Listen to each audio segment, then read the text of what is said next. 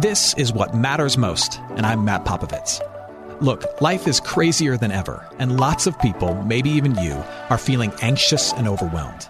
Today's message is designed to help you figure out what's most important and to experience the peace and joy that God intends for you. Because life is a gift, and it shouldn't be wasted on worry. I'd like to give you a resource, something to help you navigate the road ahead. Just go to mattpopovits.com, click on the icon, and we'll send it to you. That's Matt, P-O-P-O-V-I-T-S dot com.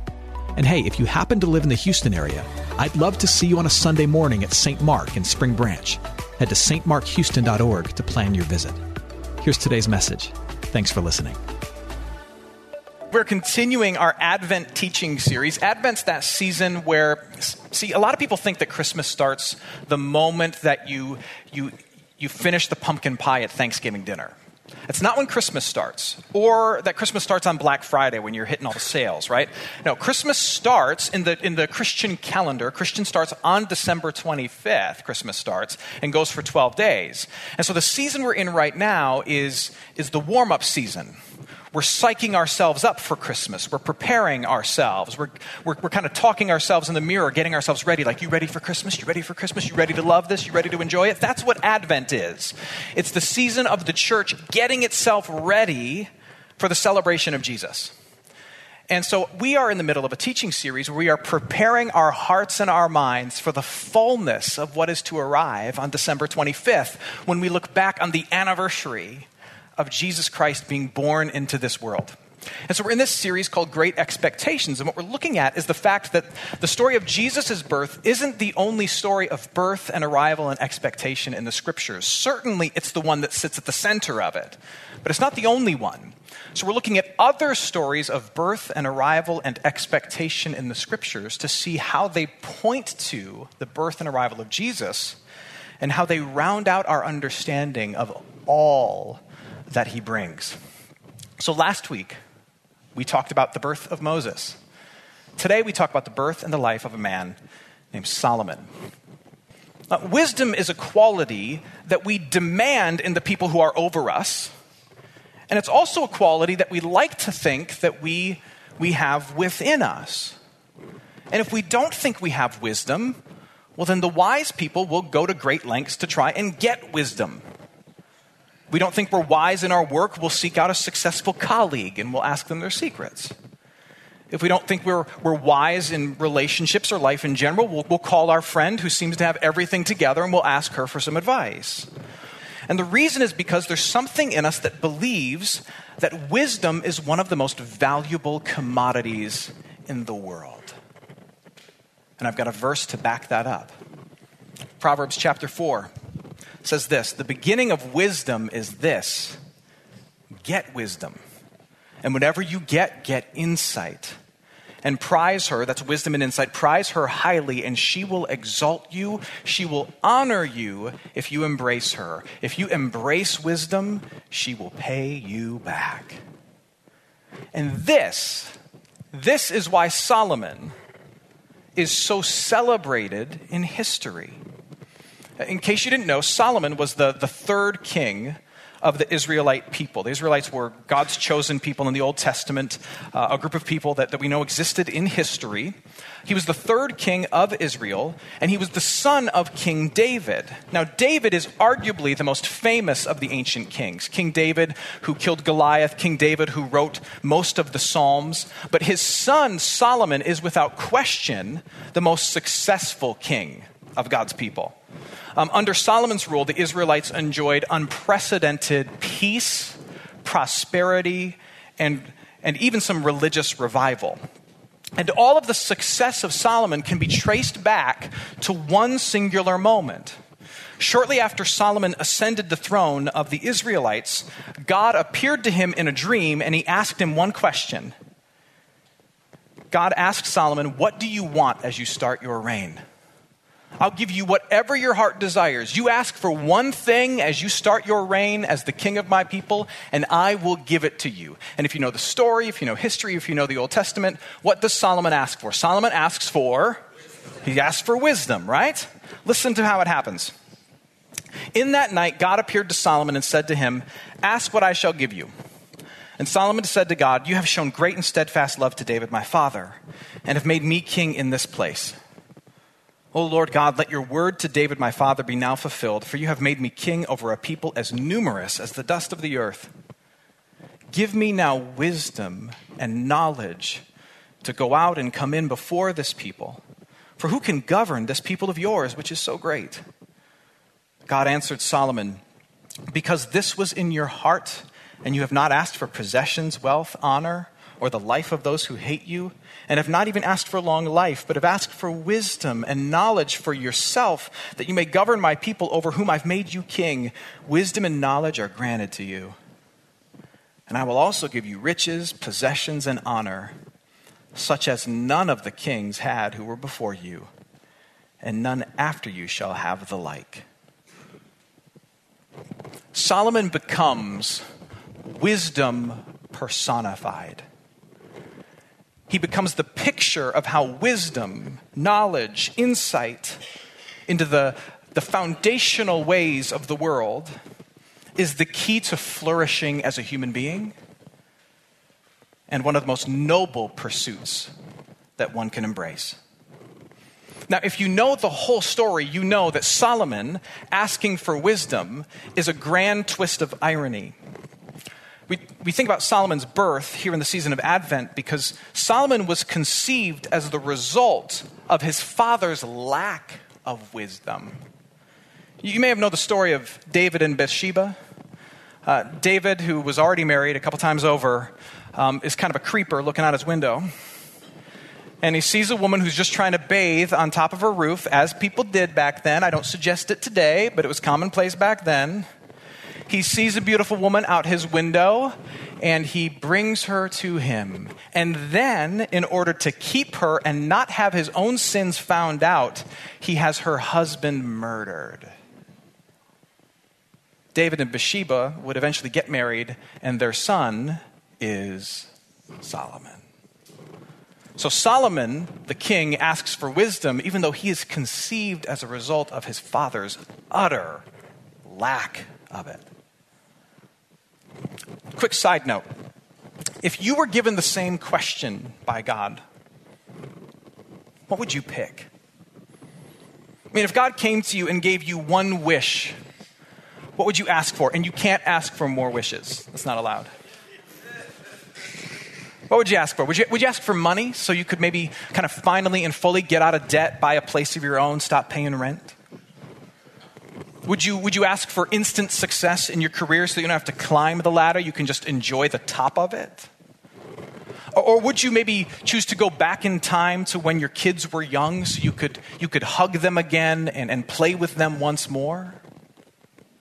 What would you pick? Here's, here's why I ask. Here's what I think I know about myself and maybe what I know about you and human beings in general. I think though we all highly value wisdom, we want it in whoever becomes president, we want it in ourselves, though we highly value wisdom, if given the same choice, and if we're honest, most of us probably wouldn't pick it. Because I think what we're really after in reading books, in listening to podcasts, and asking for advice isn't wisdom per se, but what we're after are, is the stuff we think wisdom can get us, right? And if we're given a chance to bypass wisdom and go straight to the spoils of it, most of us, I would argue, would choose not to be wise, but to simply be blessed. At least I would.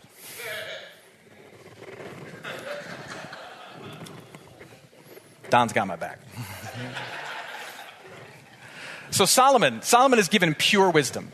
Solomon is given pure wisdom, and, and he puts it to work. Uh, he uses it to write at, at, least what we know three books that were included in the Old Testament canon. He writes the book of Proverbs, he writes the book of Ecclesiastes, he writes the book of Song of Songs. And then he uses that wisdom to navigate his nation and his family into unprecedented wealth and blessing. Ecclesiastes chapter 2, which, which Solomon writes, he speaks of himself in the third person because when you're the smartest guy in the world and you have all the money in the world, you get to do that. He says this of himself He, meaning Solomon, was denied nothing that his eye desired. Who's the richest, smartest, most successful person you can possibly think of? So uh, imagine the, um, imagine the excess of a Saudi prince, the, the intellect of Mark Zuckerberg, the money of both of them, the wisdom of, of Dr. Phil, if he's still a thing, I don't know, Dr. Phil, Steve Harvey, mix all of that together, and that would be Solomon. And Solomon was able to attain every possession and pleasure, every single one. Yet, he wanted more. Especially if I can spoil one of Solomon's secrets, but it's written in the Bible, so it's really no secret. Especially when it came to women. You think he would have learned from his father's mistakes. Solomon married some 700 women. Know how, how it's possible? But he did. Plus, he had more than 300 concubines. Solomon's approach to marriage was an affront, it was offensive to God. Not just because he had more than one, but because he also married hundreds, despite God's clear direction, hundreds of non Israelites. And it wasn't so much that they were not Israelites, but they weren't worshippers of the Israelite God. And so they, they brought in their other religion and it mixed in with Solomon's religion. And because he's the king, it mixed in with everybody's religion. And here's what happens when you marry a woman, even if it's one of 700 women, she gets what she wants. And so her religion kind of becomes your religion, and if you're king, it becomes everybody else's religion. And so all of the religion got mixed up, and it angered God, and it invited punishment, and the Israelite kingdom was broken into two a northern kingdom and a southern kingdom shortly after Solomon's death. You see, here's what we learned from Solomon. You can be the wisest man in the world, but it doesn't mean you're smart. And apparently, you can be the most successful person on the planet, and it doesn't mean you're satisfied. Here's what Solomon knew, but he could never live fully that the point of wisdom isn't to know great things or achieve great things or to grab more things. The highest use of wisdom is to acknowledge, fear, and worship the maker of all things. That's the highest use of wisdom. Solomon knew this. He knew it. Listen to his own words in Proverbs 9, Solomon's own words. The fear of the Lord is the beginning of wisdom, and the knowledge of the Holy One is insight. For, my, for by me your days will be multiplied, and years will be added to your life. Solomon knew this. He knew where real peace came from, and yet, despite his own, with his own brokenness, he was never able to fully embrace it. So, Solomon's life for us is many things. Among them, his life is a cautionary tale that shows us the futility of some of our own pursuits. You think about this. If a man who had all the wisdom in the world could not leverage it towards total earthly joy, could not use it to forge complete human flourishing by doing and having and understanding as much as possible,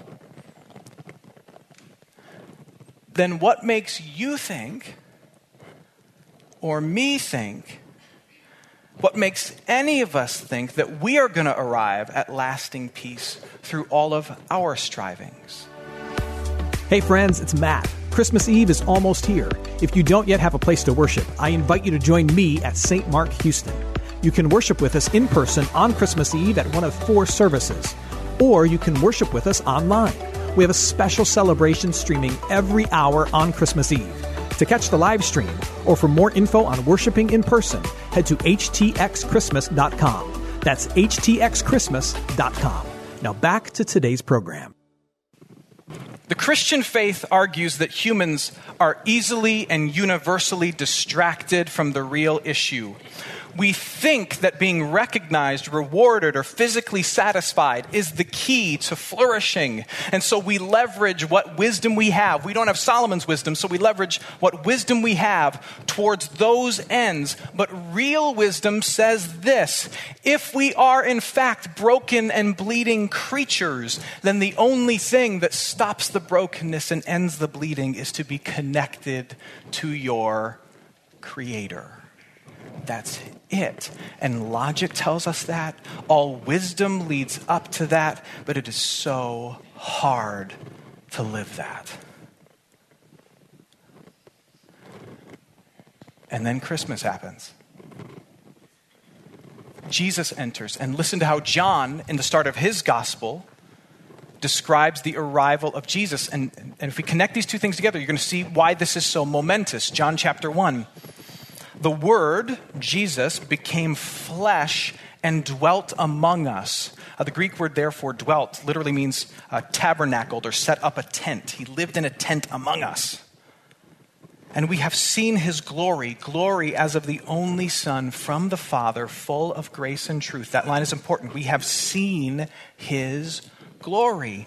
For from his fullness we all have received grace upon grace. For the law was given through Moses, grace and truth through Jesus Christ. No one has ever seen God, the only God who is at the Father's side. Here's the key He has made him what? He's made him known. No one has ever seen God. But now Jesus has come and Jesus has made him known. So, what John is saying here is this the God who made you, who shaped your conscience through his commandments, that's why there's the mention of Moses, who is unseen by human eyes, but longed after in every human heart, in your heart, in mine, in Solomon's, that God has ceased to be so mysterious and has made himself known to you and can now be known by you in Jesus Christ. Solomon was born and he lived and he learned this big lesson for us that the wisdom of life is pointless unless it leads to the giver of life. And then Jesus is born and he solves the problem for us. He says, Oh, now you can know the giver of life. Now you can be truly wise because I am that giver. And rather than climb to me, guess what? I have come and made myself known to you. God, with all of his truth and his mountain of mercy, has come to you and he's come for you. And through his life, his death, and his resurrection, he has punished and destroyed all the things that have separated you from your Father.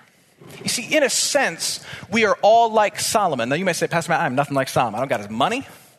I certainly don't have his 700 wives, thank you, Lord. I ain't got his problems. I ain't got his wisdom. But in a sense, we're all like Solomon. We're all using the little bit that we have to build whatever kingdom we can muster. And we're trying to build a kingdom to quiet our fears and to make something better out of our lives. I don't know what it is for you, but here's what I do know. The fear of the Lord is the beginning of wisdom as you try to build that life. The fear of the Lord is the beginning of wisdom, and the Lord has come, and He's come to do this to cease your striving and to tell you you are loved. And you have been, through His cross, forgiven. And the truly wise aren't the ones who earn the degrees, invent the great things, or garner the greatest applause. The truly wise are the ones who have some sense of peace because they've grasped that gift. They're the wise ones. God has come near to me.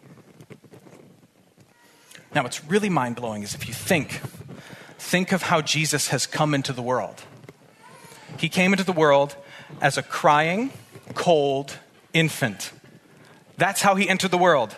Think of how Jesus came into the world. Jesus came into the world like that. He came into the world as a crying, cold infant, not as a full grown king with secret service to protect him, not as a mysterious deity riding on the clouds. No, this king of the world came in weakness. He arrives not just as one of us, He arrives as the humblest, most vulnerable version of us. Why?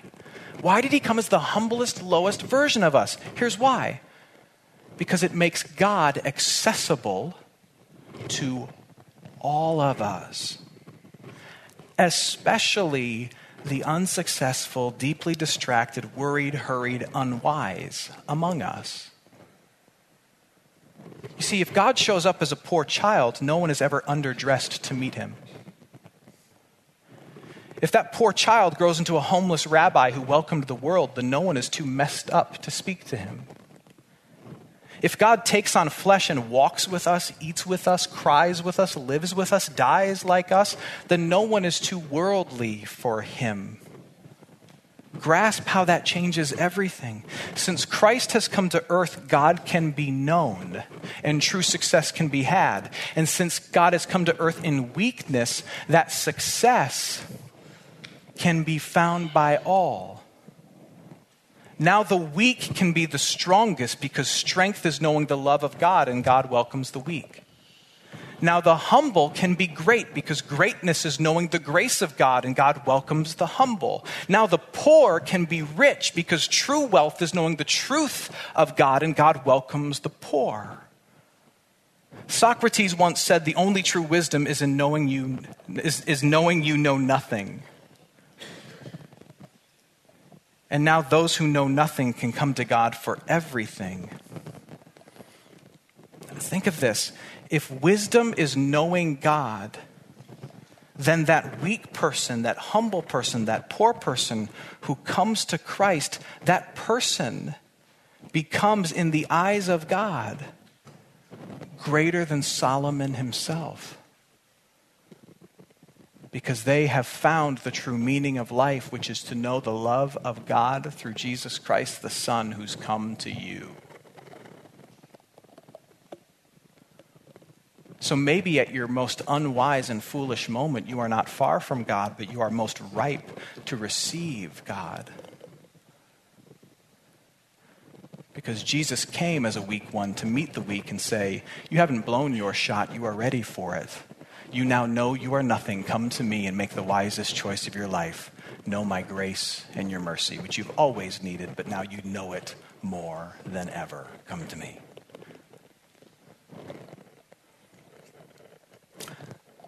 I'll close with this. Wisdom is one of the most valuable commodities in the world. We find it in strange places. For example, children can be full of wisdom. Uh, some of these truths were shared with me the other day. Uh, Naomi, who was 15, said, If you want a kitten, start out by asking for a horse. it's wise. Lauren, who was age nine, said, Felt markers are not good to use as lipstick. Smart. Eileen, who was age eight, said, Never try to baptize a cat. At this season, we do a lot of seeking and striving to build our kingdoms we're trying hard to craft memories and to find gifts and to throw parties. We're seeking the attention of certain people and we're posting the most enviable pictures possible. In the middle of that, my prayer for you as your friend and your pastor is that you would do two things. First, that you would consider the lesson we have in Solomon, the baby born of David turned king of God's people. And the lesson is this that you can actually get everything you want and still have nothing at all. And second, that you would believe, celebrate, and give thanks for the baby born of Mary turned king of the universe. Celebrate the fact that wise men and wise women still seek him. Because everything that makes one truly successful, knowing the grace and mercy of God, everything that makes someone truly successful is given freely by him. Amen. Hey, it's Matt. I hope you enjoyed what matters most. Here's what I need you to know life is a gift, and it shouldn't be wasted on worry. I want to help you figure out what's most important and to experience the peace and joy that God intends for you. So, for more content, you can head to mattpopovits.com. That's Matt, P O P O V I T S.com. There, you can also support this ministry as well as access your free resource, a little something to help you navigate the road ahead. I'd also love to see you on a Sunday morning. If you're in the Houston area, head to stmarkhouston.org to plan your visit. In the meantime, hit me up on Instagram at mpopovits or at facebook.com slash Ministries. Thanks for listening. Now go and hold tight to what matters most.